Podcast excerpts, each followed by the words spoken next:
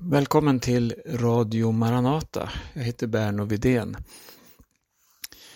Under en tid så har jag läst om eh, Josef i första Moseboken. Det som han drabbades av. Han utsattes ju för ett fruktansvärt illdåd i sin ungdom. Han var bara 17 år gammal då hans bröder överföll honom, tog hans klädnad som han hade fått av sin pappa. Eh, man slängde honom i en brunn och klädnaden rev man sönder och sölade ner med blod från en bock.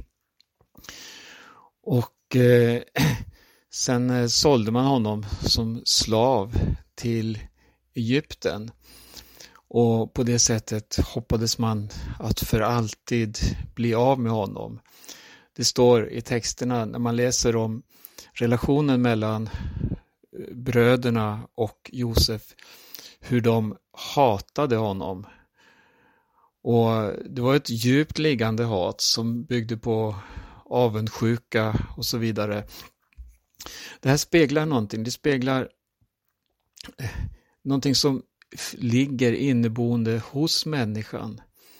Det här mörkret, det här hatet och det här jagandet efter att ständigt ja, få det man själv menar vara rättvisa. I det här fallet så skulle man bli av med Josef för att man menade att han blev favoriserad utav Jakob. Och Det här ledde då till att Josef hamnade i Egypten. Han såldes som eh, slav till Potifar som var en högt uppsatt eh, eh, militär i Egypten. Och han tjänade under farao. Eh, Josef fanns nu då i Potifars hus och det, det märkliga med Josef är att var han än hamnade så var Gud med honom. Och det visade sig på så många olika sätt. Gud banade vägen och människor såg att Josef kunde man lita på.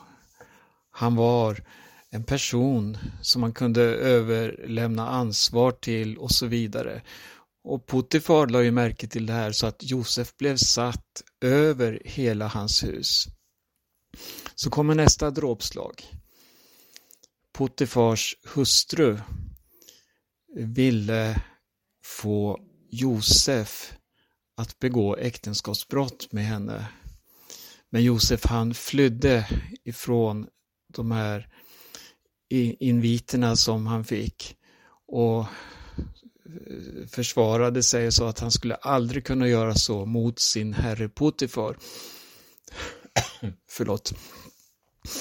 Det här ledde till att hon anklagade honom på ett väldigt fult sätt för att ha velat våldföra sig på henne. Och det slutade med att Josef hamnar i fängelse. Vi ser här motgång efter motgång. Och i fängelset, för att göra en, historien kort då, så blev han kvar under två års tid. Vad hade han gjort för ont? Ingenting. Men han fick genomlida detta. Efter två år så blir han upphöjd. Eh, orsaken till det kan du läsa om i Första Mosebok. Men han, han eh, hamnar från en dag till nästa så hamnar han från att ha varit i fängelset eh, som en våldtäktsman så hamnar han i faraos palats. Och inte eh, som någon tjänare utan vi kan läsa om honom och se att han blev den mäktigaste mannen efter kungen själv. Den mäktigaste mannen i hela Egyptens rike. Alltså från fängelset så gick han till konungapalatset. Ja, det här, det, här, det här är en otrolig historia, en berättelse om hur Gud tog ut Josef för ett speciellt uppdrag. För läser man vidare i berättelsen så ser vi att det här blev räddningen, ja det blev frälsningen för hela Jakobs släkt.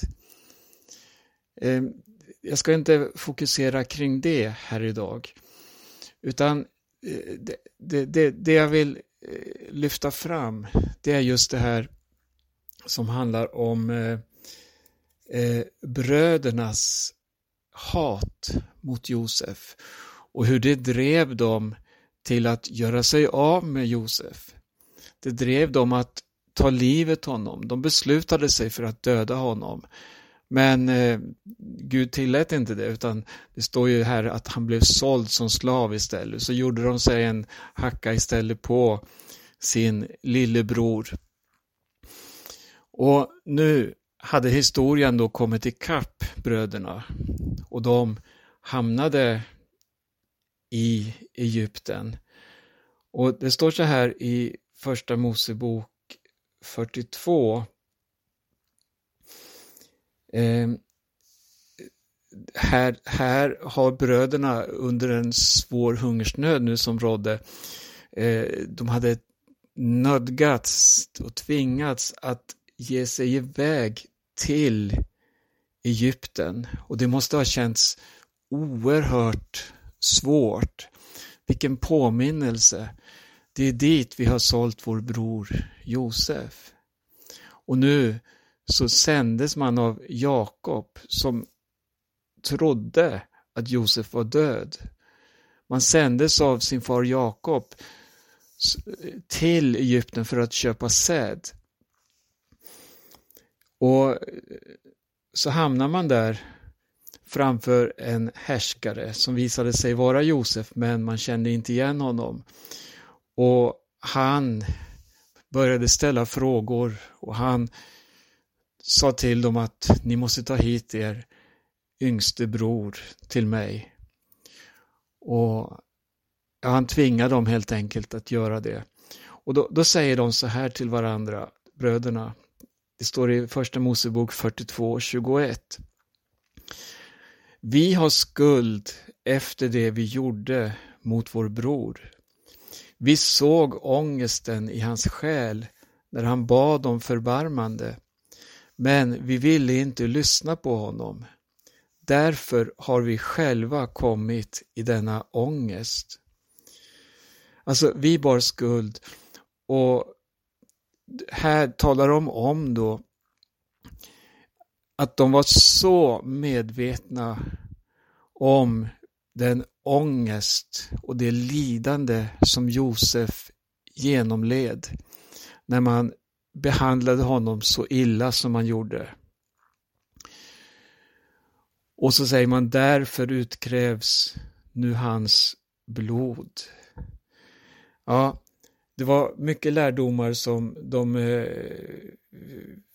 fick, eh, här, historien kom ikapp dem så att säga.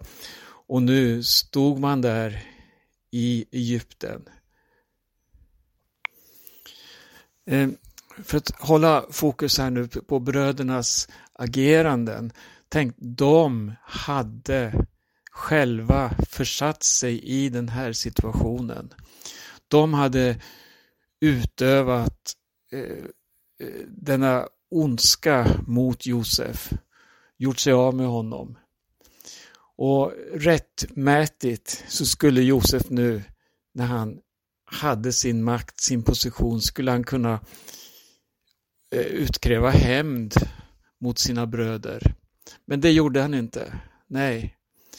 Josef var av en helt annan kaliber. Han var fylld av en helt annan ande. Och han vann sina bröder. Han vann alla folks hjärtan. Inte genom hot, inte genom eh, fiendskap och våld och maktmissbruk, nej. utan han vann genom att sträcka ut sin hand till försoning. Här har vi försoningens makt. Den är så mycket starkare än vilken arsenal, vilken politisk makt eh, som helst. Försoningens makt, förlåtelsen, den kan bryta ner de mest eh, starka fästen som är uppbyggda med världslig makt, med militär makt och så vidare.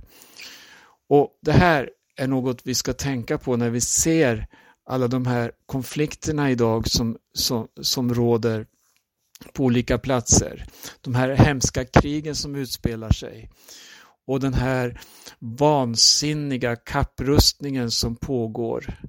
När man eh, håller på nu att eh, höja budgeten och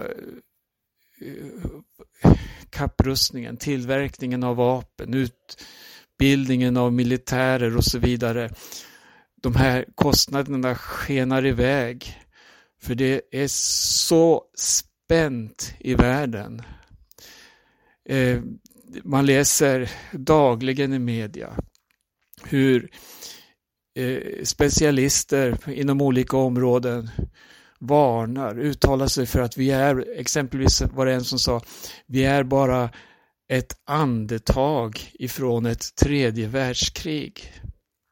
Och det kan vi ju inte tillåta då, utan då måste vi rusta ännu mera för att kunna ha något att sätta emot den här, de hoten som omger oss. Det, det är en revsax verkligen. Det, det, det är något så fruktansvärt det vi ser i världen. Hur mycket pengar satsas det? Hur orättfärdigt är det inte med all denna militära upprustning som har ett mål egentligen. Att slakta och förgöra. Att rädda sitt eget skinn på bekostnad av andra. Det här möter vi i Ukraina, Ryssland, det här möter vi i Israel, Gaza och he hela Mell Mellanöstern och inom många, många andra områden också läser vi om krigen som utspelar sig. V vad är det som driver människan? Jag ska ta en annan bild i Bibeln vi ska läsa ifrån Apostlagärningarna i Nya Testamentet. Här går vi till det åttonde kapitlet. Ehm, det står i början så här att samma dag utbröt en svår förföljelse mot församlingen i Jerusalem. Och så blev man kringspridda då utöver eh, bygderna och Det här var som en, ett resultat eller en följd utav den förföljelse som inleddes med att man stenade Stefanus. Stefanus var en Herrens tjänare som vittnade om Jesus och han gjorde det med sån makt och myndighet att man tålde inte att lyssna till honom. Man hade ingenting att försvara sig mot honom i det han sa, utan det man gjorde var då att stena honom, få tyst på honom. Och Det här ledde till att det utbröt en svår förföljelse. En som låg bakom den här förföljelsen, det var en person som hette Saulus. Och det står i tredje versen så här, att Saulus försökte utplåna församlingen. Känner vi igen uttrycken? Att radera något, att utplåna något som man inte tål. Och här handlar det om de som trodde på Jesus. De som hade gett sina liv till Jesus. Saulus, han gick från hus till hus och släpade ut både män och kvinnor och satte dem i fängelse. I kapitlet som följer, alltså Apostlagärningarna 9, så inleds texten så här. Salus, som fortfarande andas, andades hot och mordlust mot Herrens lärjungar, gick till översteprästen och bad att få med sig brev till synagogorna i Damaskus. Om han kunde finna några som tillhörde vägen, män eller kvinnor, skulle han få fängsla dem och föra dem till Jerusalem. Salus, han var alltså fast övertygad om att han skulle göra slut på dessa som följde Jesus, eller de som vandrade på den vägen som det hette. Hatet drev. Och han var en, Salus var egentligen en, i, i människors ögon då, en rättfärdig man. Han var gudfruktig. Han följde lagen till punkt och pricka. Han var lärd, alltså han hade läst vid kända lärares fötter. Och han ville inget annat än att den här renlärigheten skulle eh, få råda och han såg Jesu lärjungar som ett hot mot hela det här religiösa och politiska systemet. Och han trodde helt och fullt, det han gjorde, det var rätt. Men han drevs av hot och mordlust. Alltså ett djupt liggande hat. Och så hade han politisk makt. Han eh, fick stöd utav beväpnade styrkor för att fängsla då de människor som tillhörde Jesus. Ja, det, det, det, här, det här är oerhört att se hur hatet kan driva människor på det här sättet. Eh, Salus, han, han omvände sig ju. Det, det, det, han är ju den som har gett oss det mesta av innehållet i Nya Testamentet genom alla sina brev och genom den skildring vi har i Apostlagärningarna. Och han skriver själv så här till Galaterna, till församlingen i Galatien i första kapitlets trettonde vers. Så här, ni har ju hört hur jag betedde mig för inom judendomen, hur våldsamt jag förföljde Guds församling och försökte utrota den. Hör, eh, just de här uttrycken är så starka, så talande. Utrota. Det var ju de, eh, eller de tankarna och det målet som Hitler hade exempelvis när det gällde judarna. Han skulle utrota dem. Vi, vi läser om eh, de här utrotningskrigen som har pågått mellan olika folkslag där man har gått in i byar, man har gått in i, i länder och försökt att utrota hela folkslag. Där kan vi läsa om i, i länder som Ukraina, vi kan läsa om konflikter i Afrika eh, där, där utrotningskrig, raskrig så att säga har pågått. Och det är en ondska som driver det här. Paulus, han skrev ju, så, sådan var jag. Men vad hände? Nådde Paulus, eller Salus som han kallades innan hans, sin omvändelse, nådde hans upp till sina mål? Lyckades han genomföra det han gjorde? det han planerade att göra. Nej, hör. Han mötte en makt som är så mycket starkare än den militära makten. Han mötte en kärlek, hör, han var fylld av hot och mordlust, men han mötte en kärlek som var så stark att den bröt ner hoten, mordlusten. Det bröt ner motiven han bar på, övertygelsen han hade. Det bröt ner allt det här och så blev han på ett sätt tillintetgjord. Jag som var fylld av, jag som eh, jagade, som förföljde, hotade, fängslade. Han, han såg i ett nu, vad var det som hände? Jo, han fick möta Jesus när han var på väg till Damaskus. Han var på väg dit för att fängsla Jesu lärjungar. För att eh, skicka dem till Jerusalem bundna. För att ta deras liv helt enkelt, göra livet surt för dem. Och eh, han drevs av, av, av den här iven, den här nitälskan. Men så fick han möta Jesus. Och vad, vad sa Jesus? Han kom inte med reprimanger egentligen, utan det var några få ord. Salus, varför förföljer du mig? Vem är du, Herre, som jag förföljer? Jag är Jesus, den som du förföljer.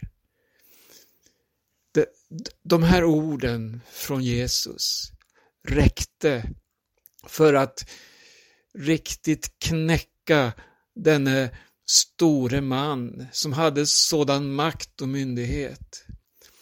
Han fick möta Jesus, han fick möta några ord ifrån honom. Och det ledde till att han blev totalt tillintetgjord. Han blev förvandlad helt enkelt. Av vad? Av himmelens budskap, av kärlekens makt.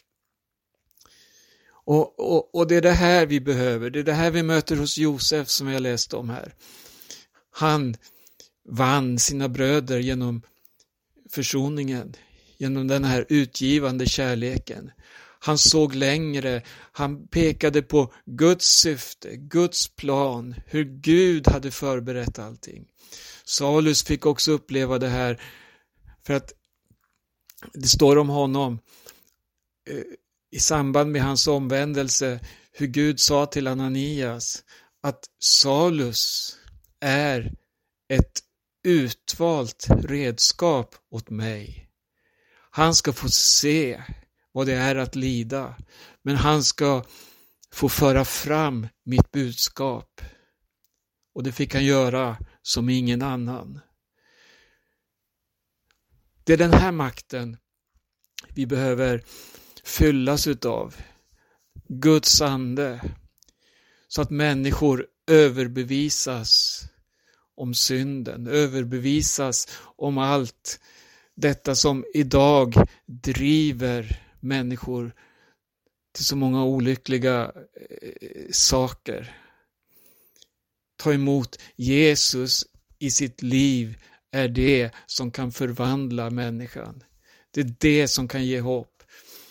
Och när det handlar om eh, kriget nu i Israel, de här eh, konflikterna som har pågått där sedan urminnes tider, ja, de kommer inte att få någon lösning egentligen. Inte förrän den dag då Herren Jesus själv stiger ner och ställer sina fötter på Oljeberget. Då befinner sig Israel i trångmål. Men det är fortfarande det här hatet som råder. Jag vill inte säga att det är hatet som driver, men ändå, man, man försöker med militär makt att ständigt hålla landet och, och, och driva igenom sin politik. Och vi ser hur mycket lidande det här åstadkommer. Men när Jesus kommer, när han ställer sina fötter på Oljeberget, då står det så här, och det här är förändringen som kommer att äga rum i ett nu. Det står om hela den judiska nationen. Man ska se upp till honom som man har stungit eller som man har genomborrat. Denne Jesus som förkastades, denne Jesus som man eh, inte vill erkänna. Nej, Jesus från Nasaret, han som är judarnas rättmätige konung. Honom ska man den dagen se upp till och öppna sina armar och säga Han är Messias. Den här makten som kommer från Gud, som bryter ner fästen, alltså kärlekens makt, den utgivande makten, den är verksam idag. För att Jesus, han har ett folk här i tiden, han har ett folk här på jorden som är kallade till att föra ut detta budskap. Och där är vi medräknade. Se till att vara trogen honom, se till att inte fyllas av världens ondska, av världens olika program, utan se till att bli fylld av Guds rikes principer. Älska din fiende. Ge ditt liv för din nästa. Förkunna evangelium om frälsningen, om vägen framåt. Jesus kommer snart. Gud välsigne var och en.